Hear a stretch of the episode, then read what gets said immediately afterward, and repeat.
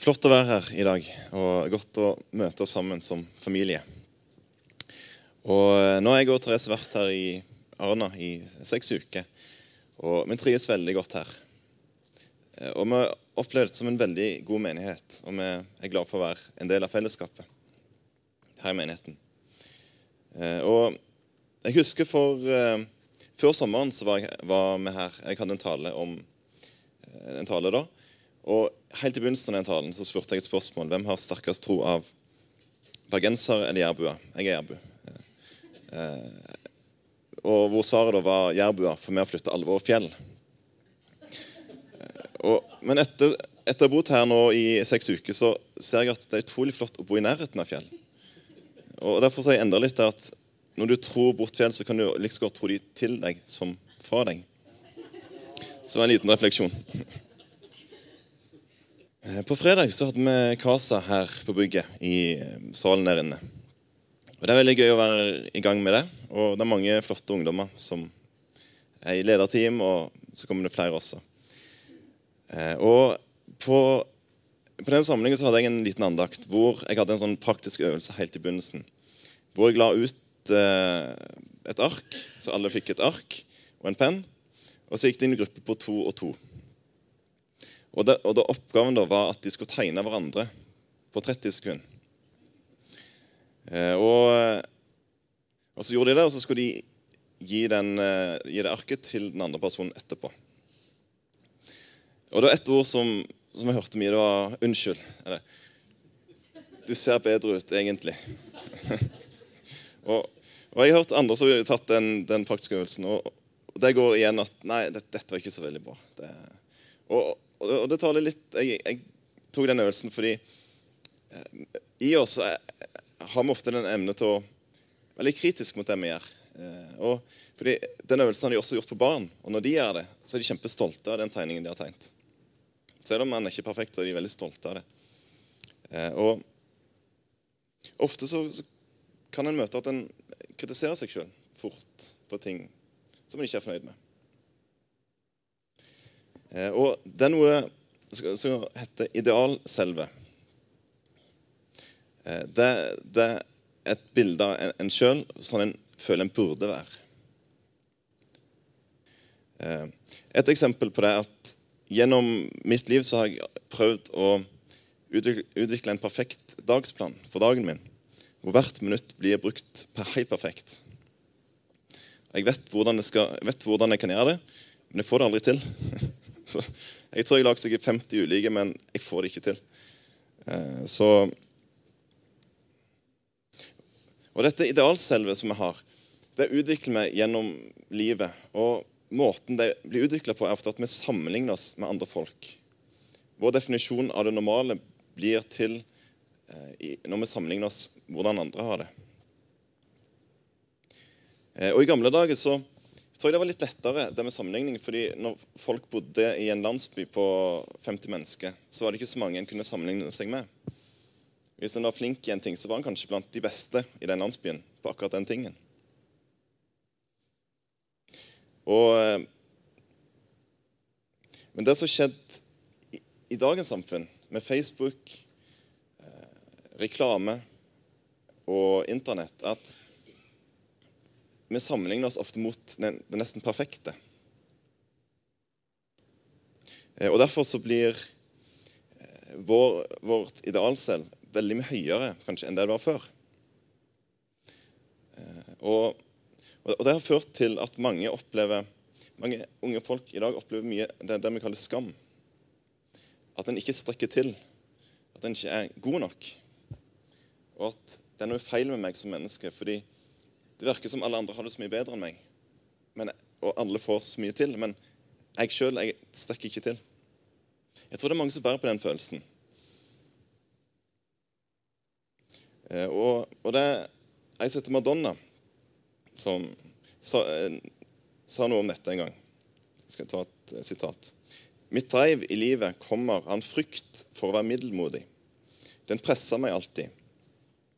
Jeg pusher meg fram og får meg til å, meg til å føle meg spesiell.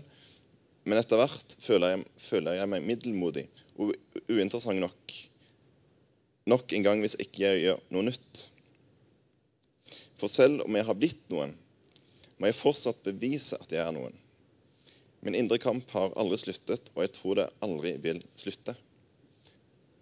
Og Hun har jo fått til en del ting, men allikevel så er den der indre driven i henne. Dette jag etter å føle seg verdifull. Det er det mange som bærer på. Og For lenge siden så var det eh, en, den historien om ei, ei dame som opplevde en dyp skam i livet. En så stor skam at hun ikke ville være rundt andre folk. Hun gikk til en brønn på en tidspunkt på dagen hvor hun visste at det ikke var noen andre der, fordi eh, det var så varmt på den, det tidspunktet. Hun gjemte seg. Eh, men så, så, plutselig kom det en som satte seg ned, og det var, det var, Jesus. Og I det møtet så skjedde det noe veldig spesielt med denne dama. Og det som skjedde, var at Jesus visste om noe av det, det som hun opplevde veldig tøft. Årsaken til skammen i hennes liv. Hun hadde vært med fem menn, og den mannen hun hadde nå, var ikke hennes mann. Han visste det, og allikevel så behandla Jesus henne med respekt og verdighet. Og sa at han ville gjerne gi henne det levende vann. Og Dette førte til noe skjedde i denne dama. og Det førte faktisk til at hun fikk frimodighet. og Det står at hun sprang inn til byen der det var mange folk. Og nå kunne hun vise seg igjen. Og jeg tror Det som skjedde i, i den historien, var at folk flest de så, bare henne, så bare det hun hadde gjort. Eh, men Jesus så forbi dette. Og, og Jesus så og det, og det, samme når det står at synderne og tollerne holdt seg nær til Jesus. De som opplevde mye skam på den tida, de holdt seg nær Jesus. Eh, og Det virker som at det å være nær Jesus var at det var en motsatt magnetisme mot skam. Når de var nær Jesus, så bare gikk skammen bort. Den kunne ikke være der Jesus var. Men istedenfor ble det, skammen erstatta med eh, en følelse av verdi og verdighet. Og det, og det er dette Jesus ønsker å gi oss. Det er en dyp fred med oss sjøl. Eh, hvor vi føler det er godt å være til, eh, og at en er egentlig generelt sett fornøyd med seg sjøl. Og dette tror jeg en, en, kan finne når en fokuserer på Guds kjærlighet. Fordi Guds kjærlighet er jeg tror det er det beste en kan søke når en ønsker eh, å få bort all skam og få inn den dype freden med seg sjøl. Og, og, Guds kjærlighet til mennesket For å se begynnelsen på den, så må vi gå langt tilbake i tida. Eh, og Da kan vi gå tilbake før reformasjonen, før Jesus kom, før Abraham, før Adam. Til og med før Adam, til og med før englene. Hva fantes da, før Gud har skapt noe som helst? Det er en ting teologene har tenkt mye på opp igjennom. Og Gud er treenig. Dvs. Si, han er tre personer som er én person. Og det, det teologen opp igjennom har sagt, at Faderen ser mot Sønnen i kjærlighet og begeistring og glede. Og Sønnen ser mot Ånden i kjærlighet og begeistring og glede. Og Ånden ser på Faderen. Og Innad i den relasjonen er det en, den perfekt relasjon som de hadde seg imellom. Og De trengte ikke noe utenfor seg sjøl, fordi de hadde en perfekt harmoni i seg sjøl. Men så skjedde det noe fantastisk. At plutselig i den relasjonen så plutselig vendte Gud blikket mot mennesket. På den tida ideen om mennesket. Fordi mennesket var jo ikke til ennå. Ideen om oss, ideen om deg. Og han vendte sin kjærlighet mot mennesket. Og, og, der, og dermed så, så planla han å skape mennesket.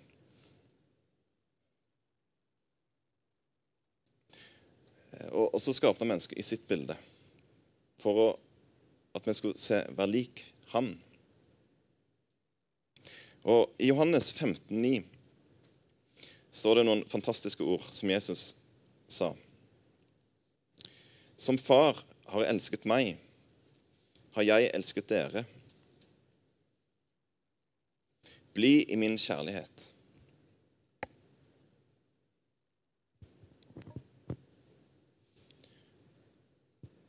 Det er en fantastisk setning, fordi Faderen og Sønnen har alltid elska hverandre i, i den relasjonen som de har hatt.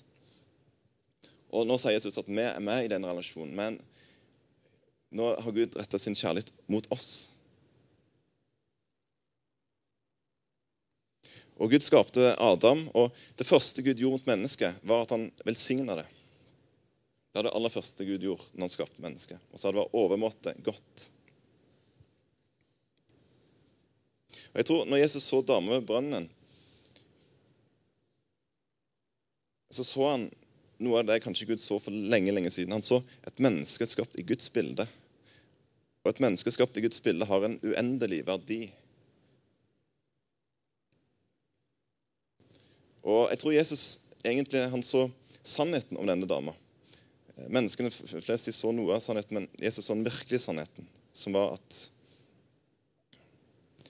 Eh, ja, at hun har en uendelig verdi i at hun er skapt i Guds bilde. Og Jeg leste en bok om, eh, av Erlend Rimehav, og han har et veldig flott sitat.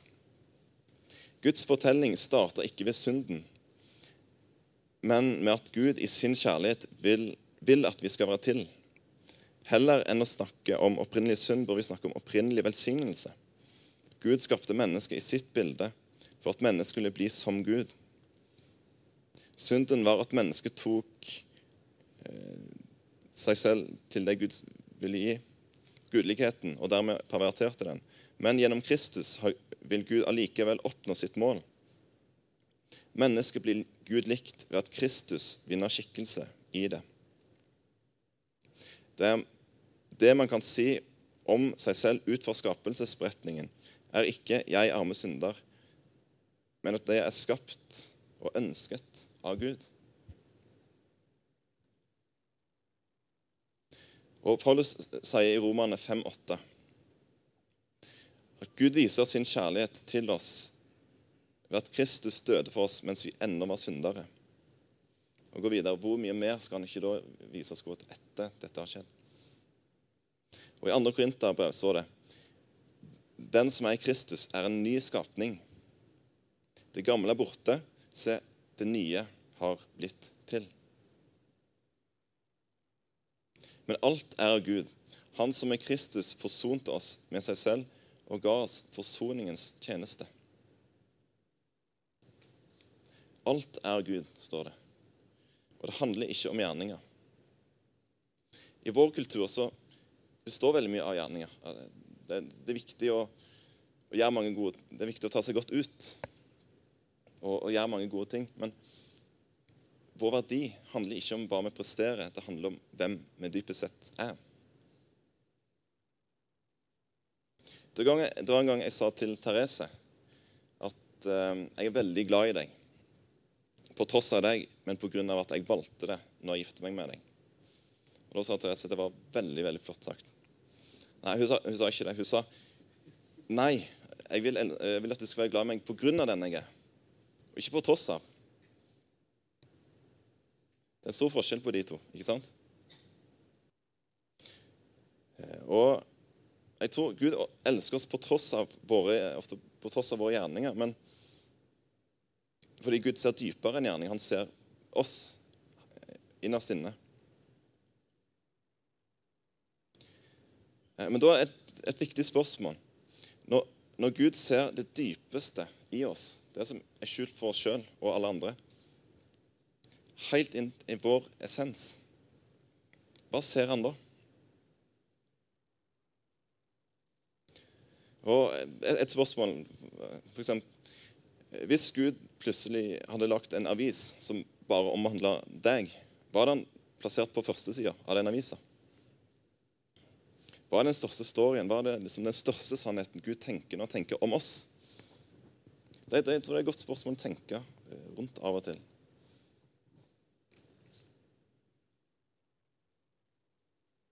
Og jeg tror Gud ser jo mange ting når han ser oss, men jeg tror det han ser aller tydeligst, aller klarest, er at vi er skapt i hans bilde. Og, og i det så er det et enormt potensial. Han ser at vi synder, men det vi først og fremst er, hellige. Og vi er hans barn. Med en uendelig verdi. Og Derfor tror jeg han eh, elsker oss på grunn av det, og ikke på tross av det. På tross av våre gjerninger, men på grunn av at vi er skapt i Guds bilde, så elsker han oss.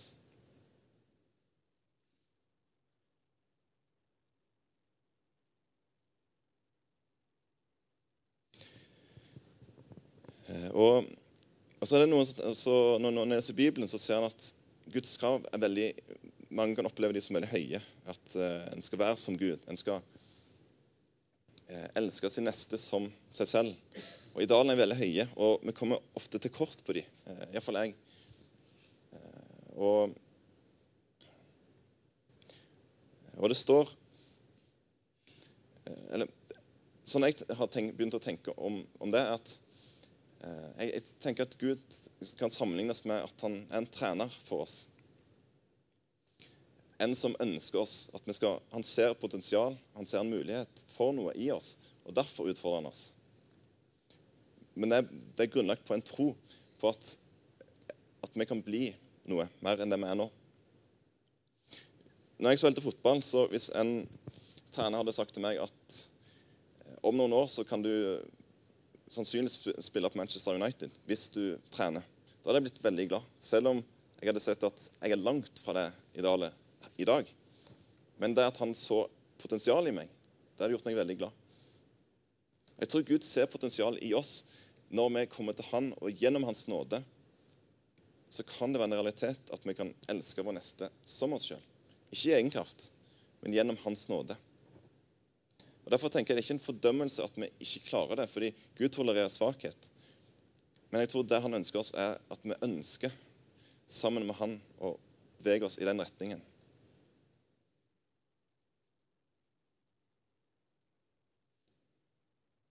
Og Det står en plass at for for den Herren elsker, viser han til rette. Jeg tror nettopp av denne grunnen. Fordi han Ja. Og jeg tror Bibelen forteller mye om at en skal handle ut ifra den nye identiteten som Gud har lagt ned i oss. Vi, for, vi skal ikke gjøre gode gjerninger for å bli verdt noe, men for at vi allerede er noe. Så skal vi handle i akkord med det nye som Gud har skapt i oss. En gjør ikke noe for å bli verdifull, men fordi en har allerede den evige verdien i seg, fordi vi er elska av Gud.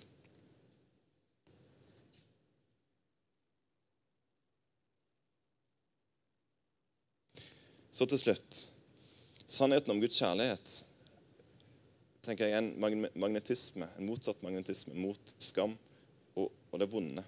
Den følelsen av å ikke strekke til. Når den tar mer og mer plass, så vil en få en dyp fred med selve i oss. Og Gud ser forbi det ytre. Han ser helt til hjertet vårt, til det innerste i oss. Og Der tror jeg han ser noe veldig flott. Han ser Guds bilde. Eh, til slutt ønsker jeg å avslutte med et, en, en bønn som Søren Kirkegård har skrevet. Gud har elsket oss først. Men vi taler om deg som om du hadde elsket oss først en gang i fortiden. I virkeligheten er det dag for dag, hele livet gjennom, at du elsket, elsker oss først. Når vi våkner om morgenen og vender vår sjel mot deg, kommer du oss i forkjøpet. Du har elsket oss først. Dersom jeg står opp før daggry og i samme øyeblikk vender min sjel i bønn til deg. Da er du allerede der. Du har elsket meg først. Når jeg legger, når jeg legger bak meg alt som forstyrrer, og søker inn i sjelen for å tenke på deg, da er du stadig den første. Forlat oss, Gud, vår utakknemlighet. Det er ikke bare én gang at du har elsket oss først. Det er i hvert eneste av livets øyeblikk. Jeg skal avslutte med en bønn. Altså. Ja. Jeg takker deg, Herre, for at du har skapt oss fordi du ville det.